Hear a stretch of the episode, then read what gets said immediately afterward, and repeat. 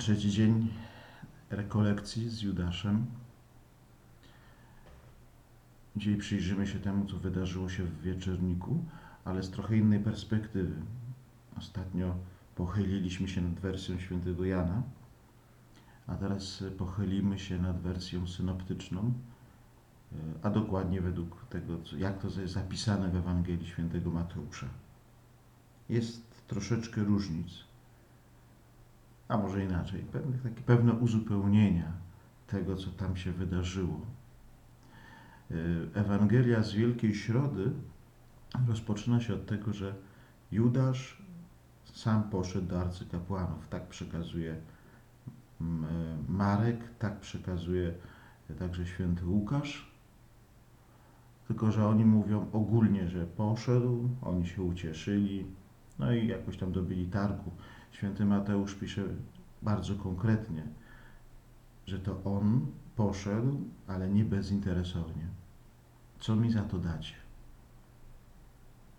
To jest to, o czym święty Jan mm, mówił y, w Ewangelii swojej, kiedy y, był, opisywał y, ucztę w Betanii, że Judasz jest już zaślepiony pieniądzem tak bardzo, że tylko liczy się konkretna transakcja.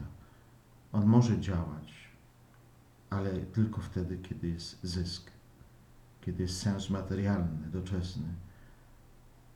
Tak się może nam zdarzać, że stracimy zupełnie bezinteresowność.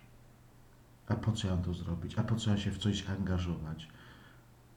Zupełnie tak bezinteresownie my potrafimy dużo dawać, bardzo dużo dawać wtedy, kiedy wiemy, że, że jest z tego jakaś korzyść, jakiś zysk. Ale dawać siebie bezinteresownie, to już jest trudne. Skoro tu jest już o pieniądzach, dać pieniądze. Ile damy człowiekowi, który żebrze?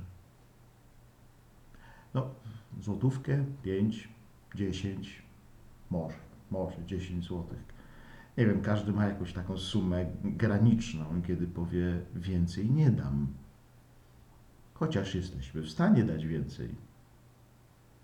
Popatrzmy, ile rodzice potrafią dać pieniędzy swoim dzieciom.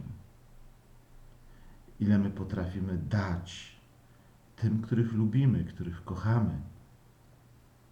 To mogą być naprawdę ogromne sumy. Ale wiemy, że dajemy dlatego, że albo tam jest korzyść dla mnie, albo dlatego, że rzeczywiście jest to osoba, na której mi zależy. I wtedy łatwiej się daje. Ale dać komuś coś bezinteresownie, to już jest problem. I to duży problem. Pamiętam kiedyś słyszałem taką katechezę, w która. Ona była o, czymś, o zupełnie o czymś innym.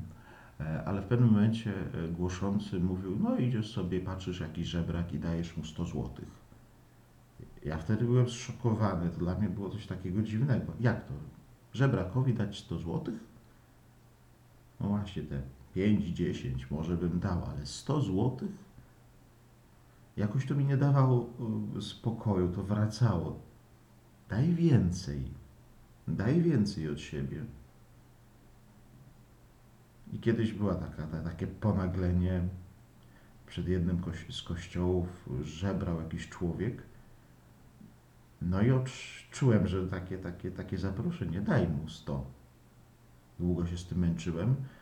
Podszedłem w końcu do bankomatu i wypłaciłem 50. Miantoliłem to w rękach, ale w końcu dałem. I była to jakaś ulga, że, że wyrwałem się w jakimś małym stopniu y, ze zniewolenia pieniędzmi. Oczywiście w małym stopniu, bo, bo to zniewolenie cały czas jest ale to był przynajmniej jakiś krok do przodu. Jedne więzi pękły, że, że ja nie mam już taki, takiego oporu, żeby dać tylko ochłapy, ale że mogę dać coś więcej, chociaż w takim drobnym wymiarze. Ale jeżeli my się z tego nie wyrywamy, to, to, to może nas prowadzić do mocnego zniewolenia, takiej pazerności na, na każdą złotówkę. Albo do tego, że nie będziemy się angażować, nie będziemy nic czynić, jeżeli nie będziemy widzieć w, ty, w tym efektu zysku. lub idąc jeszcze dalej, y, będziemy szukać okazji zysku, niezależnie od tego, jakim to będzie kosztem i kogo kosztem. Kosztem łez, przykrości, poniżenia, czy też jak tu w tym przypadku, śmierci człowieka, bo zysk, mój zysk jest ważniejszy. To Judasz przychodzi z inicjatywą. To nie, że y, szukają go arcykapłani, chociaż do tego wrócimy jeszcze, czy, czy aby na pewno go nie szukali i tylko jego nie szukali. Ale ostatecznie to Judasz idzie. Jest teraz ostatnia wieczerza. Jezus, kiedy już wszyscy zasiedli do stołu, składa tę deklarację. Jeden z was mnie zdradzi.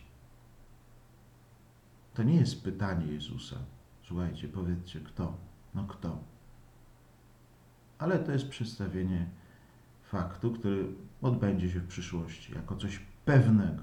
Jeden z was mnie zdradzi. Uczniowie byli bardzo zasmuceni. I tam jest w, w oryginale greckim użyte, uży, użyty przysłówek sfodra, co, co można przełożyć jako niezmiernie, nadzwyczajnie, niebywale.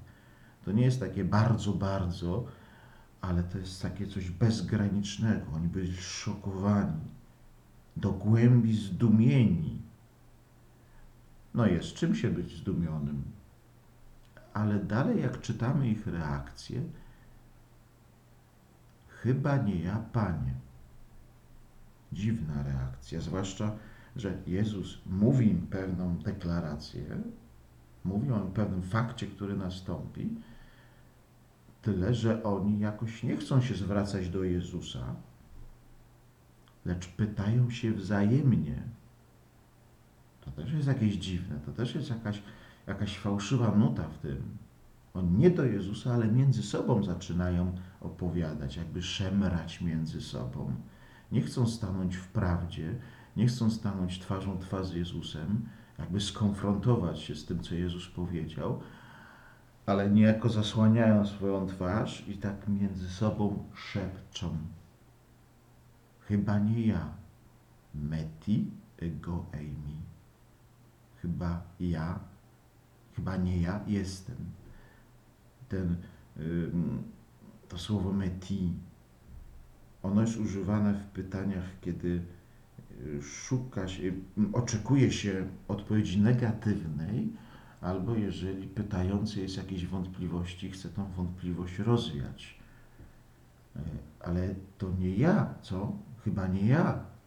Tak by można było to z, z, pewną taką intonacją przetłumaczyć, zinterpretować. Co to jest za odpowiedź? Co to jest za, za, za przepytywanie się wzajemnie? Że to jakby, to, to, może ktoś z nas zrobi, ale nie, nie, nie, ja to nie, nie, ktoś to niech to zrobi. Taka nam się tu odsłania perspektywa, jakby oni wszyscy już powoli wątpili w Jezusa. I można w Ewangeliach znaleźć takie przesłanki.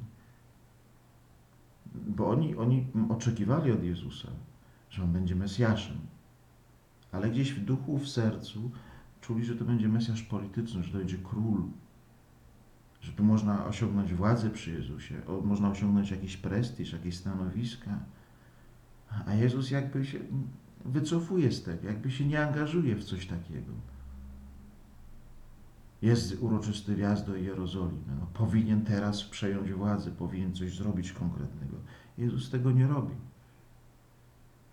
W, w, w, podczas uczty w Betanii, to jest wersja Mateusza, jest oburzenie uczniów związane z tym, że, że ta kobieta namaszcza Jezusa.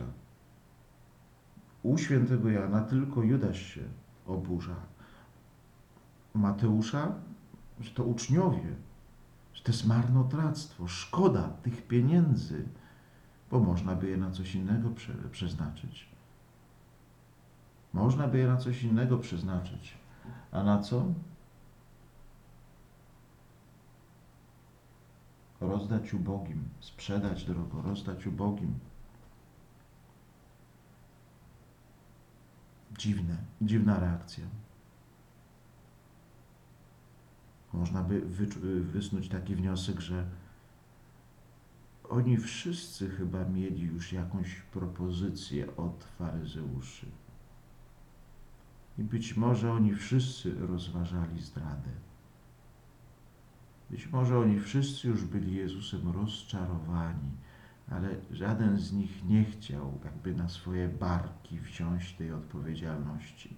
Być może, ja wiem, że to już jest takie fantazjowanie, być może oni chcieli z Jezusem spędzić tą ostatnią wieczerzę, uroczystą kolację z powodów kurtuazyjnych, a potem po święcie Paschy być może chcieli podziękować, powiedzieć, my wracamy. Wspaniały czas, ale zamknięty. To chyba nie Ty jesteś Mesjaszem. Dużo nas nauczyłeś, ale nasze drogi się rozchodzą. Zresztą tą taką oficjalną nutę można wyczuć w tym, co święty Mateusz pisze. Chyba nie ja i dodają Panie, Kyrie, Kyrie. To można powiedzieć do każdego, kto jest jakby ponad, ponad, po- ponad mną, ma jakiś autorytet, ma jakąś władzę. To jest takie oficjalne zwracanie się. A tylko Judasz, tylko Judasz nie brał udziału w tej takiej szemranej pogadance, tym zamkniętym, zaklętym kręgu uczniów, którzy nie do końca są szczerzy wobec Jezusa. On jako jedyny szczerze odpowiedział Jezusowi. Tak jest napisane tutaj. To on odpowiadając rzekł do Jezusa. Używa tego samego. ch- Chyba nie ja, meti ego eimi. Ale nie mówi kyrie, nie mówi panie, ale mówi rabbi. Co to znaczy rabbi? To jest bardzo uroczyste, dostojne em, zwrócenie się do nauczyciela, do mistrza, ale też zwrócenie się z szacunkiem, z czcią. Tu jest jakaś już relacja personalna, osobista, emocjonalna. Dziwny jest ten przekaz. Uczniowie, którzy okazali się w porządku, jakby ostatecznie, tak by można było, przynajmniej tak oficjalnie na zewnątrz wy- wygląda, są niepewni siebie i mówią oficjalnie do Jezusa z dystansem: Panie. A tylko Judasz ma tyle odwagi, żeby odpowiedzieć w twarz, prosto w oczy Jezusa. On się nie boi jego spojrzenia. Ma ufność. I tylko on mówi do Jezusa: Rabbi, mój nauczycielu. Dziwne to jest. Nie tak łatwo jest przedstawiony, nie tak łatwo to zrozumieć, nie tak wprost jest przedstawiony Judasz. Tu jest jakieś nasze zmaganie z tą postacią.